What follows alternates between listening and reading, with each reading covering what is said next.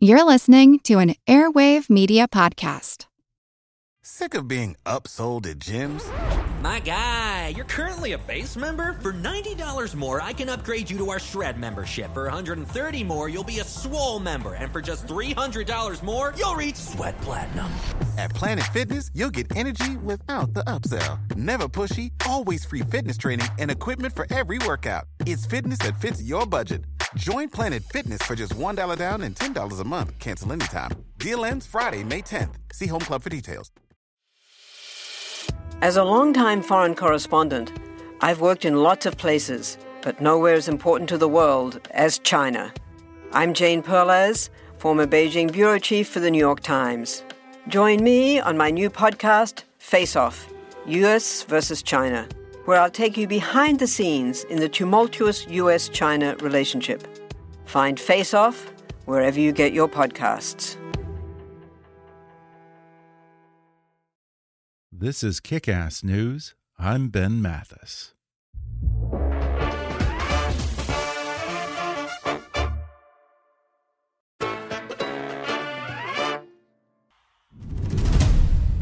No one has ever succeeded like I have. This was not espionage. This was an attack. You're gonna get clobbered, Jim. Jim Comey, he's more famous than me. Really looking forward to working with you. Let's take a picture. We've now been presented the dossier concerning Russia and its connection to Trump. Putin began cultivating Trump as an asset, helping real estate deals, hundreds of millions in loans. That constitutes a real threat to national security. Would you like to come over for dinner tonight? Just the two of us? Nobody gets treated as unfairly as I do. It's disgraceful. Sir? I need loyalty. I expect loyalty. The president just committed a crime in your presence. Stop deciding what we do and don't need to know. It's so crazy in there. We're steaming towards an iceberg. I want to know what you can do to lift this Russia cloud. If we ever put anything above the truth, it's a bell that can never be unrung. That was a clip from The Comey Rule, based on James Comey's best selling memoir, A Higher Loyalty. This two night event airs on Showtime September 27th and 28th at 9 p.m. Eastern and Pacific. And today I'm joined by the film's writer director Billy Ray and Emmy winning actor Jeff Daniels, who stars as the embattled FBI director. They open up about their own initial anger at James Comey over the 2016 Hillary Clinton probe and why they want to set the record straight about the man behind the two most controversial investigations of the 21st century. Jeff reveals what attracts him to roles that define what it means to be an American, why he's not afraid of projects that take a political stand, how it felt to step into the shoes of one of the most divisive figures of our time, and what it was like to sit across the table from actor Brendan Gleeson as the other most divisive figure of our time, President Donald Trump. Billy recalls his extensive conversations with the real James Comey, the rule that governed every single decision that Comey made, and what Billy learned from his additional year's worth of interviews, including one with a powerful Trump ally. They also discuss their race to finish the Comey rule in time to impact the 2020 presidential race and how they convinced Showtime to move the premiere date up to just five weeks before the election. Plus, Billy and Jeff say they hope Trump supporters will tune in to hate watch the Comey rule, and they're fully prepared for an angry tweet storm from the president himself. Coming up with Jeff Daniels and Billy Ray in just a moment.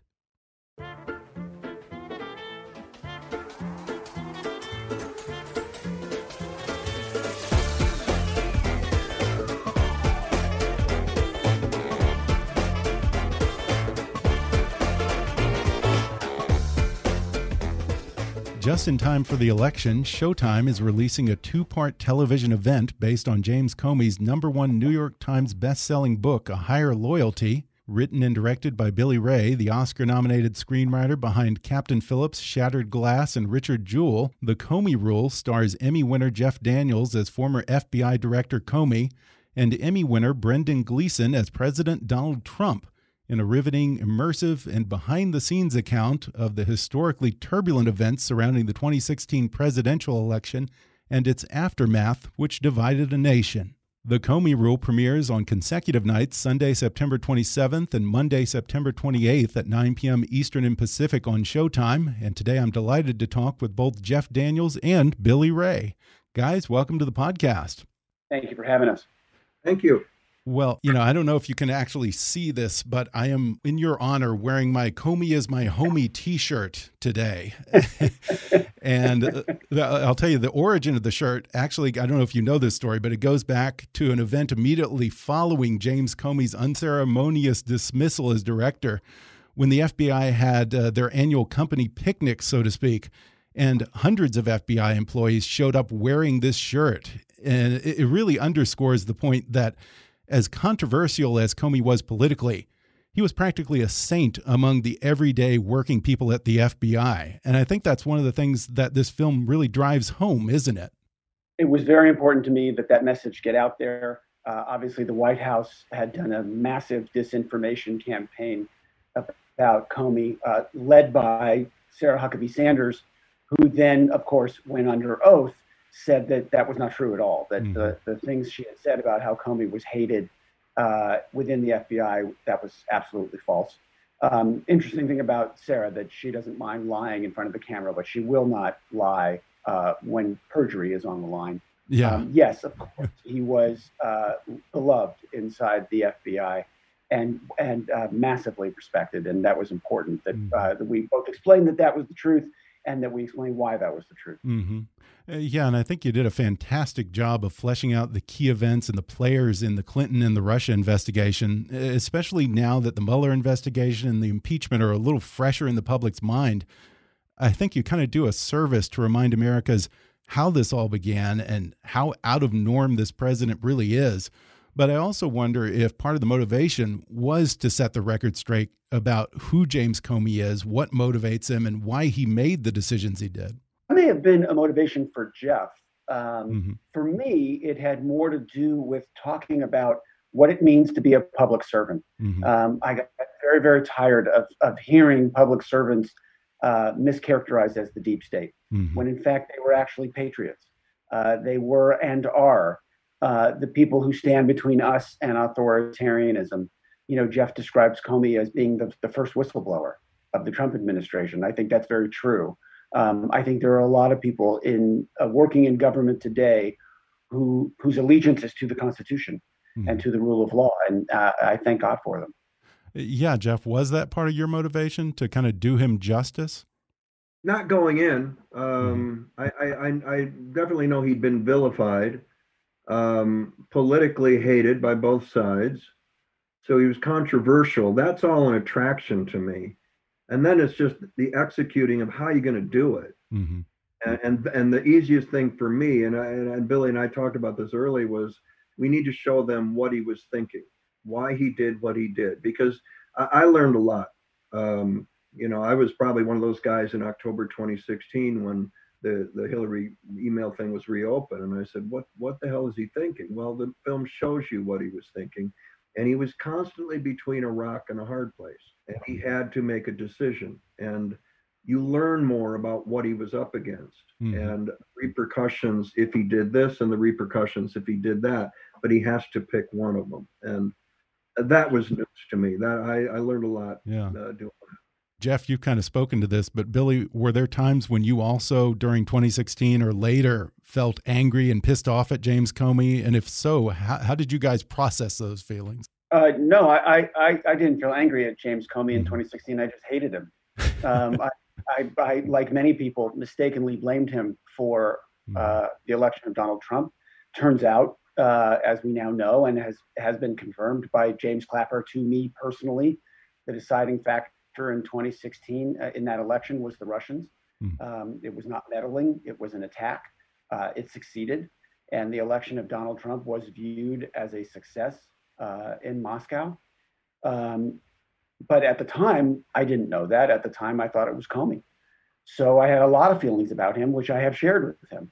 And Comey, to his credit, because he has enormous integrity, never tried to manipulate me, never tried to spin me in any way, hmm. um, never tried to um, never tried to convince me that he was more or less than I thought of him. Mm-hmm. Um, he just served as a resource and answered my questions. And I think he trusted that I would see his behavior uh, and I would draw my own conclusions, which I did. Mm-hmm. Um, got to know his family, uh, particularly Patrice. That made a huge difference in how I felt about him, and got to know the people who had worked for him and heard what they had to say about him. Mm-hmm. And all of that got folded into uh, the script, which then got expressed through Jeff's performance. And it's very rare to meet someone who doesn't have an opinion on James Comey. Uh, are you guys prepared for the possibility, especially in our current political climate, that there are going to be some viewers, maybe a lot of viewers, who have just made up their mind about James Comey and maybe aren't going to be open to reevaluating his legacy?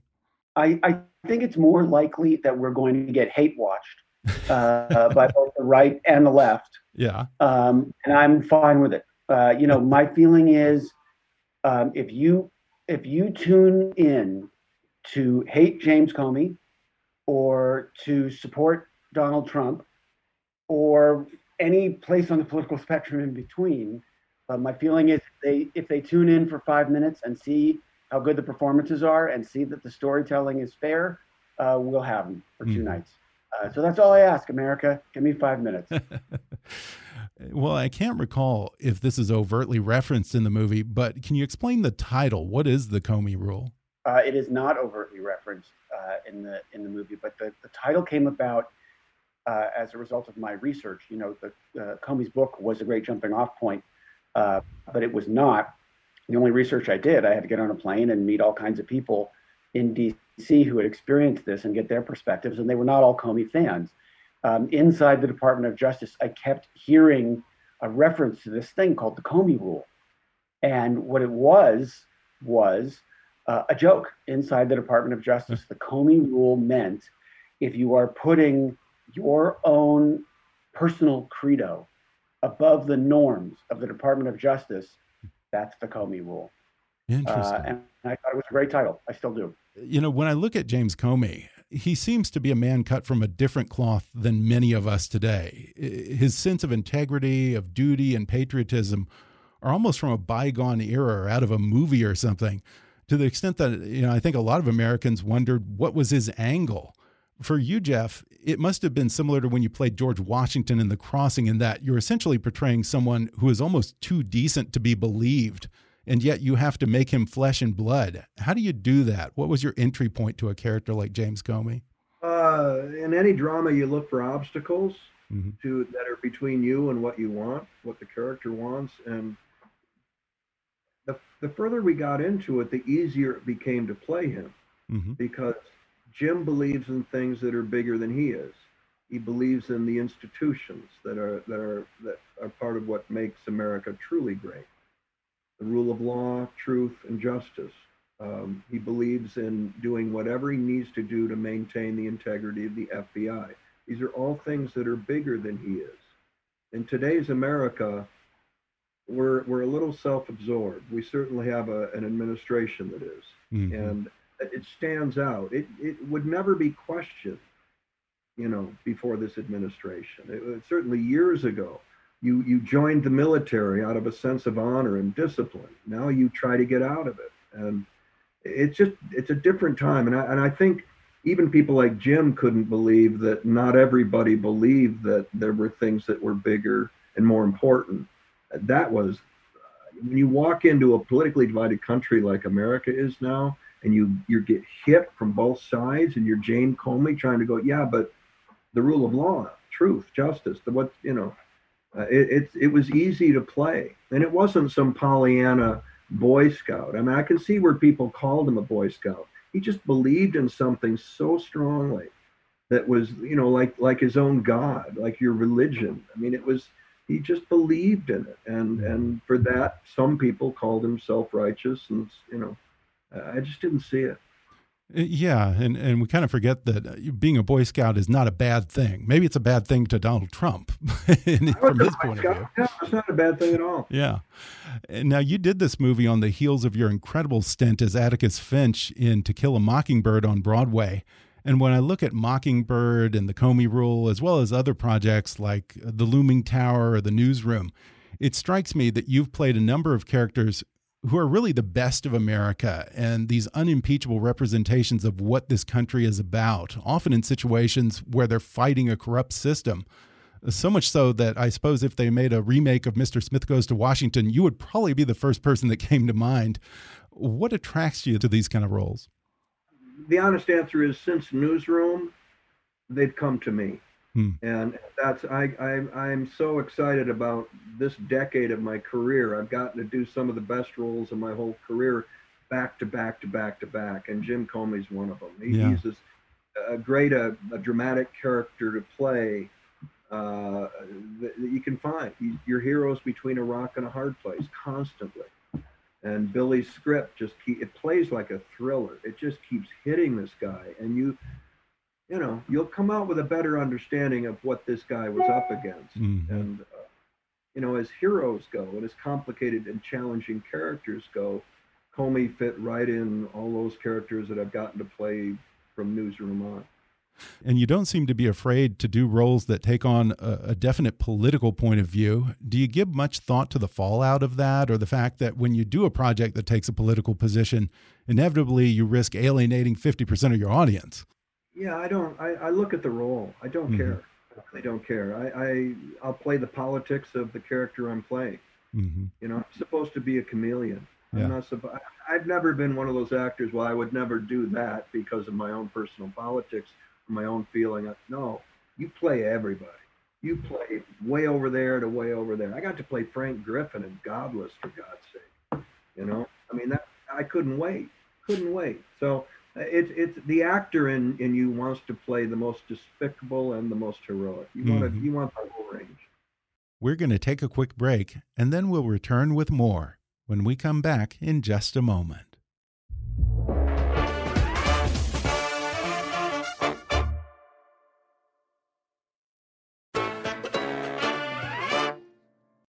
Well, Jeff, I know that you spend a lot of time in Michigan where you founded the Purple Rose Theater Company. Michigan went to Trump in 2016, fueled by all the white working class men who were promised that Donald Trump would bring back their jobs.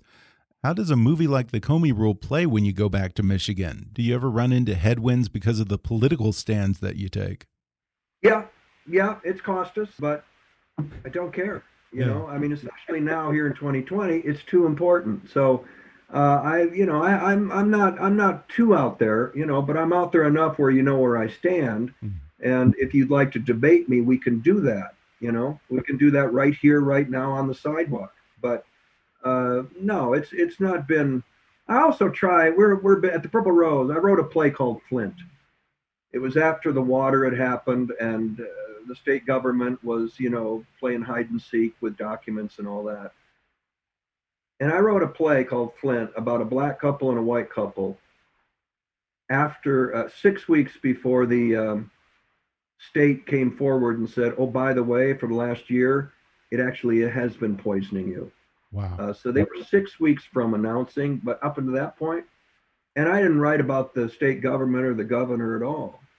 I wrote about the systemic racism hmm. that's going on. That that because it was a pretty much call, a community of people of color, it got less attention and less importance than, say, a Grand Rapids or an Ann Arbor. And we didn't know what was going to happen, but I was prepared to stand out there in front of the TV cameras and go, "What would you like to talk about?" So, I, you know, I've I've been kind of going, all right, enough with the comedies. Here's a couple things you need to think about. If yeah. you don't like it, don't come back. Yeah, yeah. I just had uh, Erin Brockovich on, who was heavily involved in the Flint water crisis. And the thing that struck me that was so offensive about that is, you know, the Erin Brockovich story. You know, that's dealing with a big corporation poisoning people. But Flint, you know, it was it was their own municipality that was letting them drink this stuff. It was a whole bunch of people, and yeah. and that's that's in litigation and courts mm -hmm. and all that. I don't know enough about that. Right. All I know is that uh, people got sick yeah. and they shouldn't. Now, the film is based on James Comey's memoir, A Higher Loyalty. And Billy, as you mentioned a moment ago, you spoke with James Comey and you also did a year's worth of interviews on top of that to get additional background on these events. What were some particular areas where you wanted to dig a little deeper than the book went and maybe fill in some gaps? Well, I wanted perspectives from lots of different people. I, mm-hmm. I wanted to hear from people who had worked for Comey. I wanted to hear from people who were detractors of Comey's. I want to hear from people at the DOJ. Um, I would have been happy to hear from people in the White House. Uh, that that was tricky. Uh, that was enormously tricky. But I was able to talk to people from the other side of the aisle really? and hear their perspective on Comey and on Trump. I obviously had to talk to tons of reporters who had covered the story, who had insights that were very valuable and all wound up uh, in the series and of course had to do all the reading that I could do. I mean, you know, there was the IG report uh, and things like that, uh, public-facing uh, documents that were enormously helpful to me. And I, I, would not have taken this on if I wasn't going to have access mm-hmm. to all of those other perspectives. I'm curious, who did you talk to on Trump's side, or was that on background?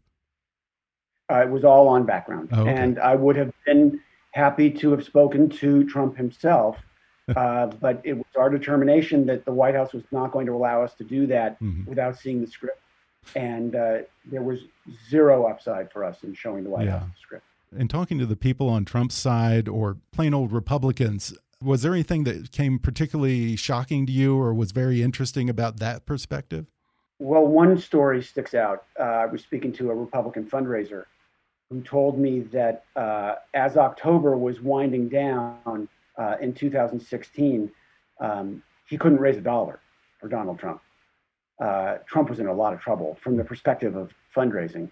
And uh, when Comey's letter to the Gang of Eight leaked, uh, and it became clear that the Hillary Clinton uh, investigation was opening up again, the next day, this guy raised $35 million for Donald Trump. Wow.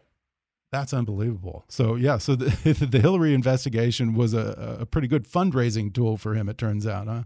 The gift that kept on giving. Wow. Uh, now, how much time did you actually spend with James Comey, and what is he like as a person? Comey's a remarkable guy. I've spent as much time with him as I requested, um, and had access to him via email in between our meetings uh, to ask uh, uh, procedural questions. Mm -hmm. How, how would a meeting like this have gone? Is this language that would have been used inside the FBI because it was important to get the rhythm of that right. Um, incredible integrity, uh, very much a family man, uh, great sense of humor. Um, one thing that I didn't know how to put into the series, there was just no way to do it organically, but I think would stun people, is that uh, he watches This Is Us every week and cries during mm. every episode. Yeah. Um, that was not something that people know. Uh, and there was no way to fit it in the series. Uh, but perhaps if we do a sequel, I'll be able to fit it in there. we all know the ending we want if there's a sequel, so or at least I do. Uh, uh, Jeff, I know that you've played real people in other projects before, but is this the first time that you've actually had the opportunity to sit down with the person that you're playing and pick their brain? It might be. I'd have to think way back, way back, but I, yeah, I think it probably is. Mm-hmm. And I didn't, I didn't, I didn't sit down and pick his brain. I, I, no, I, I, I read the book. I heard his audio book that Jim read, which helped a lot. Uh, YouTube, you can you get every physicality of Jim Comey's all over the YouTube, mm-hmm. uh, uh, and then um, Colbert, the Colbert Show, you could see his sense of humor. Mm-hmm. That book was, I mean, if every character I ever played had written a book, it would be so much easier. Mm-hmm. But I had plenty. I also, I, you know, I contacted him a couple months before we started shooting, and and you know, said if you're in New York, um, I can't leave, but if you're in New York, um, I'd love to see you. And he said, "Oh, I'll try to get up. Maybe I will. Maybe I." And he didn't. And and I, I, I that was okay. I had enough. I also didn't want to impose. Um, I, I, know that he had been talked into writing the book, and he had really been talked into letting the movie happen. So I'd meet him soon enough. I felt yeah. that I had enough to go in and suggest him, and with Billy's help, who I looked at as the true Comey historian, that was my source, mm. really. Uh, that I'd be okay once I got my legs under me.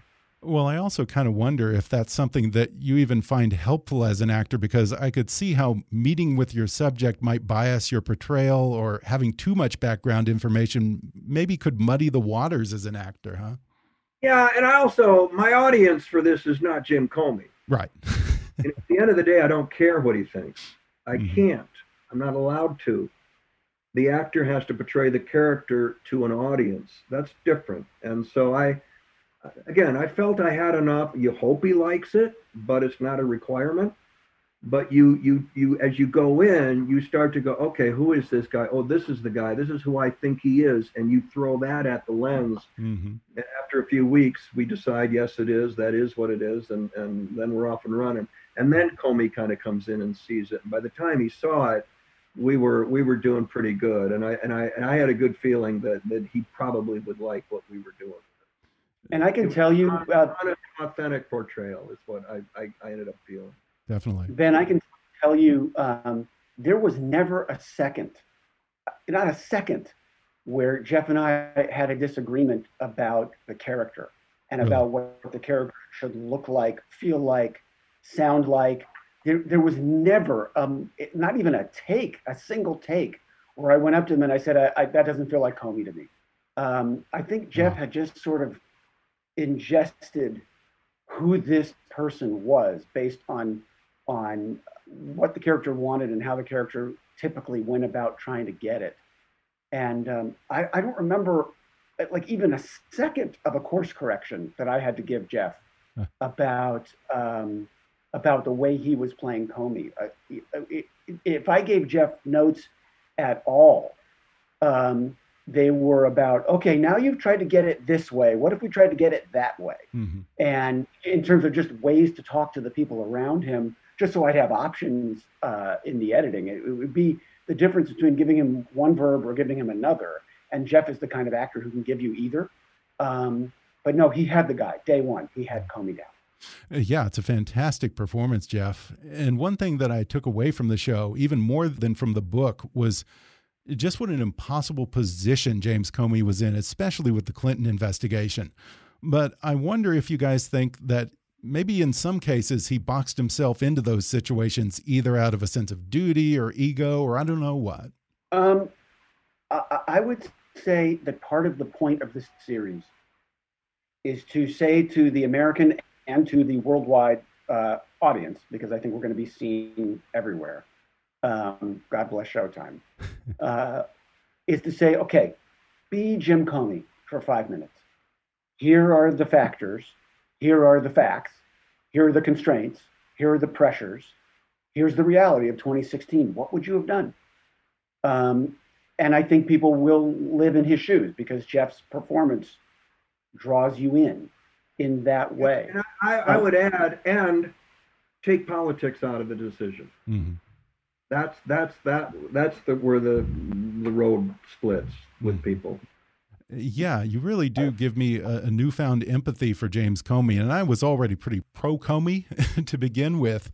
But you know, I think that the film does this excellent job of showing the impact that these two investigations had on Comey and his family, and just how reviled he was during the Clinton investigation. It's so hard for the average person to even fathom what it would be like to be trashed in the media day in and day out by both Republicans and Democrats.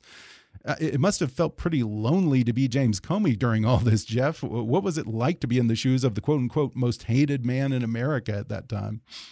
What it ends up feeling like is what he was doing, which is being apolitical. Mm -hmm and he was doing what public servants are required to do. They put their own personal politics aside and they make decisions based on the apolitical choice. Mm-hmm. Comey was arguably one of the first whistleblowers, uh, an apolitical public servant who said, wait a minute, this isn't how it's supposed to go. After him came people like Fiona Hill, Marie Yovanovitch, William Taylor, and Colonel Vindman, among others. That's what an apolitical public servant looks like. Mm-hmm. We didn't know that back yeah. in October 2016. I, I, would also say, Ben, Ben, it's not a big stretch uh, for Jeff to imagine what it would be like uh, to behave in a way that's going to make a lot of America hate you, mm-hmm. because Jeff played this part. Jeff walked into this part knowing that when this thing airs, there will be people who will come after him. Yeah. Uh, in the same way that they came after Comey. Mm-hmm. Um, Comey's a polarizing figure. Trump is a polarizing figure. People have very, very passionate feelings about what's happened to America's democracy uh, in 2020. Um, you know, Jeff did not sail into this blindly, knowing that there would be no cost right. to him, having played the part. That's so, the kind of courage that Comey had. So it's it's uh, a very good fit for Jeff. So I guess both of you guys are ready for the angry hate tweet from the most powerful man in the world, huh? I can't imagine a greater service he could do to our series right. than to talk than to tweet about it. Yeah. Now, I have to also mention Brendan Gleeson, who turns in quite a performance as Donald Trump himself. And he does a good job of avoiding that trap of taking it so over the top that it becomes, you know, like Alec Baldwin doing an SNL sketch. He strikes just the right balance, but at times it's eerie how he gets Donald Trump's cadence and his mannerisms so right, and and the makeup on him, the look of Donald Trump. Wow, uh, what was it like, Jeff, to be sitting in a room across from Donald Trump? Was it a little unnerving? Uh, in in good ways. Uh, you you half my performance is in the other actor, and I know that Comey was in the middle of a verbal tsunami during that dinner and that's what Brendan Gleeson brought. Mm. And you just sit there and you can almost feel the wind of of of what did he say and what is he and just coming from all you couldn't keep up. Billy said something like it was like a fire hose or something. Well, something. Comey had said when I wrote the script uh, and I sent an early draft to Comey, um, one of the first things I said to him was, "Did I get Trump right?" And he said, Yes, you got the experience of, of sitting with Trump right. You're being hit by 10 fire hoses at once. And if you can somehow manage to get your hands around one of them, you're, you're congratulating yourself, but you're still getting hit by nine other fire hoses. Mm-hmm. and so, on if you're doing a scene like the loyalty dinner, um, I would say to Jeff, right before the scene, I would say, okay, give him nothing keep your truth, keep your balance to the extent that you can. And then I would go to Brendan Gleeson and I would say, don't let this fucking guy breathe. Yeah. You you are the 10 fire hoses. Just keep coming at him, knock him off balance, do everything you can to take him off his center. And then boom, you get the fireworks of these two guys yeah. trying to impact each other. And it takes enormous confidence uh, if you're Jeff. It takes incredible confidence to sit apart, to sit opposite an actor who has the bells and whistles part, and to and to trust your quiet, and to trust your stillness, and to know that your performance in its own way is going to be as powerful as the ten fire hoses. Um, most actors would not have the nerve to do it. Jeff did. That's why that scene and all those scenes between uh, Trump and Comey have the power that they have because they both looked at it like a like a boxing match and each was going to win a certain number of rounds. Uh, but that's that's what it was. Some of these scenes in the show are moments that were extensively reported in the press, such as the dinner scene, this private dinner between Trump and Comey, or when Comey learns that he's been fired on TV while he's speaking at the LA field office. Was there one particular recreation of an event where you really thought we absolutely have to get this one right? That describes every event. Yeah. Um, every single second of this uh, series, mm-hmm. to me, uh, had to be right. Um, I'm not a journalist. It's not a documentary, um, but we had to get the the spirit of these events right, and we had to get the details mm-hmm. right, and we had to do it in a dramatic, emotional way. Um, you know, that's the degree of difficulty uh, of every single scene. Yeah. But if you are going to portray um, if you're going to portray the loyalty dinner, if you're going to portray the moment where Trump asked Comey to take it easy on Michael Flynn, if you're going to portray the moment where Trump says to Andy McCabe, uh, ask your wife how it feels to be a loser, or if you're going to portray Pulse nightclub, um, you have an obligation. You got to get that stuff absolutely right, and um, and I feel we did. Now, the show was originally due to premiere on Showtime after the 2020 election, but it got bumped up to late September 2020, a little more than a month before the election. Was there any initial concern that it might influence the election, and what went into the decision to move it up? Well, first, um, everybody who was making this series made it with the intention of airing it before the election. Okay. And made it with the intention of, of presenting a case to the American public. Here's what the Russians did to our electoral process in 2016. They're trying to do it again in 2020. Okay, now you're armed with that information. Do what you will with it. It was always the intention. And I would not have spent a year and a half of my life uh, telling this story. And I don't believe Jeff would have played the part if the understanding was that this was going to air after the election when it would have been a historical artifact. So we um, we made it with that intention, and we made it as fast as we could humanly make it, so that it could be aired before the election.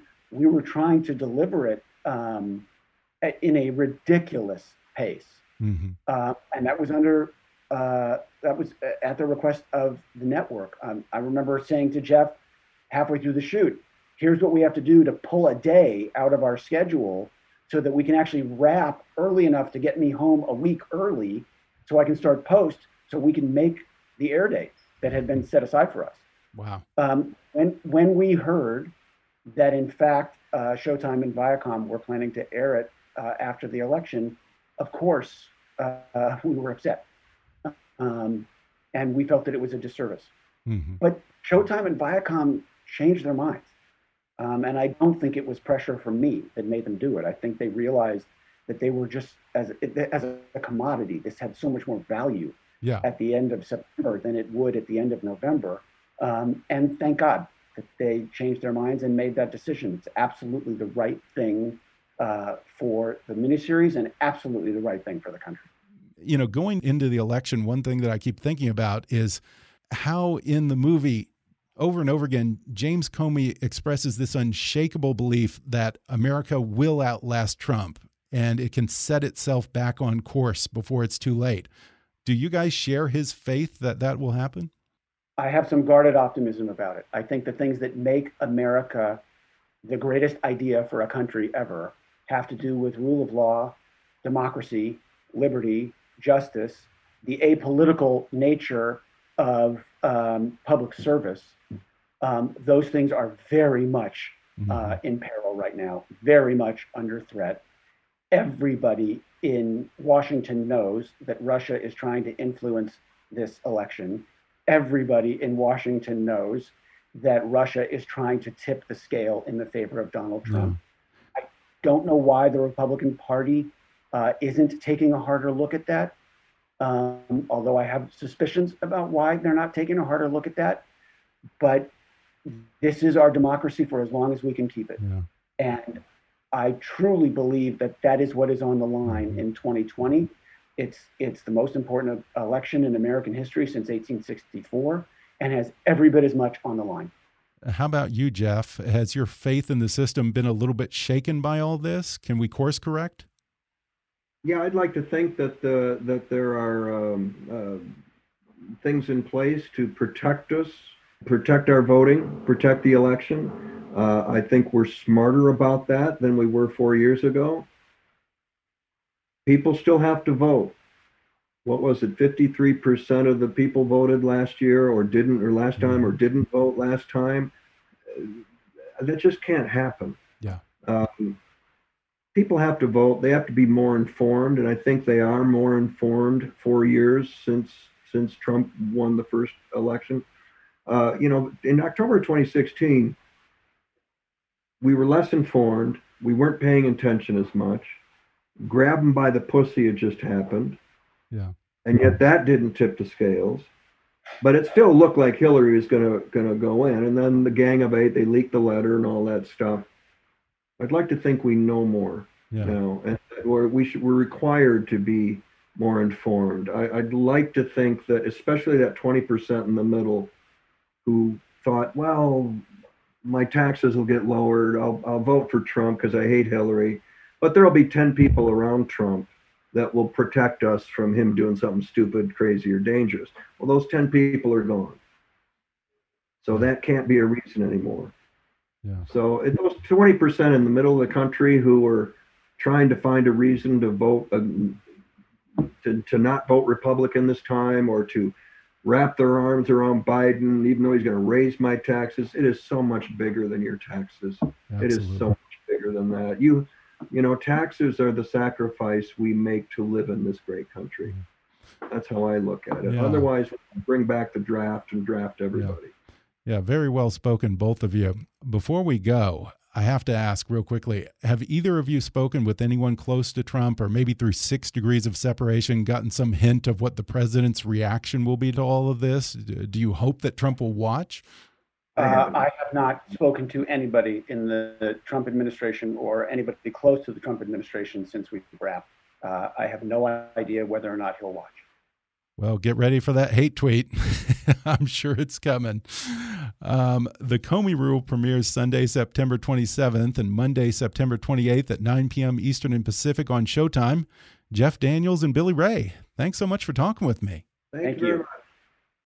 Thanks again to Jeff Daniels and Billy Ray for coming on the show. The Comey Rule premieres Sunday, September 27th and Monday, September 28th at 9 p.m. Eastern and Pacific on Showtime.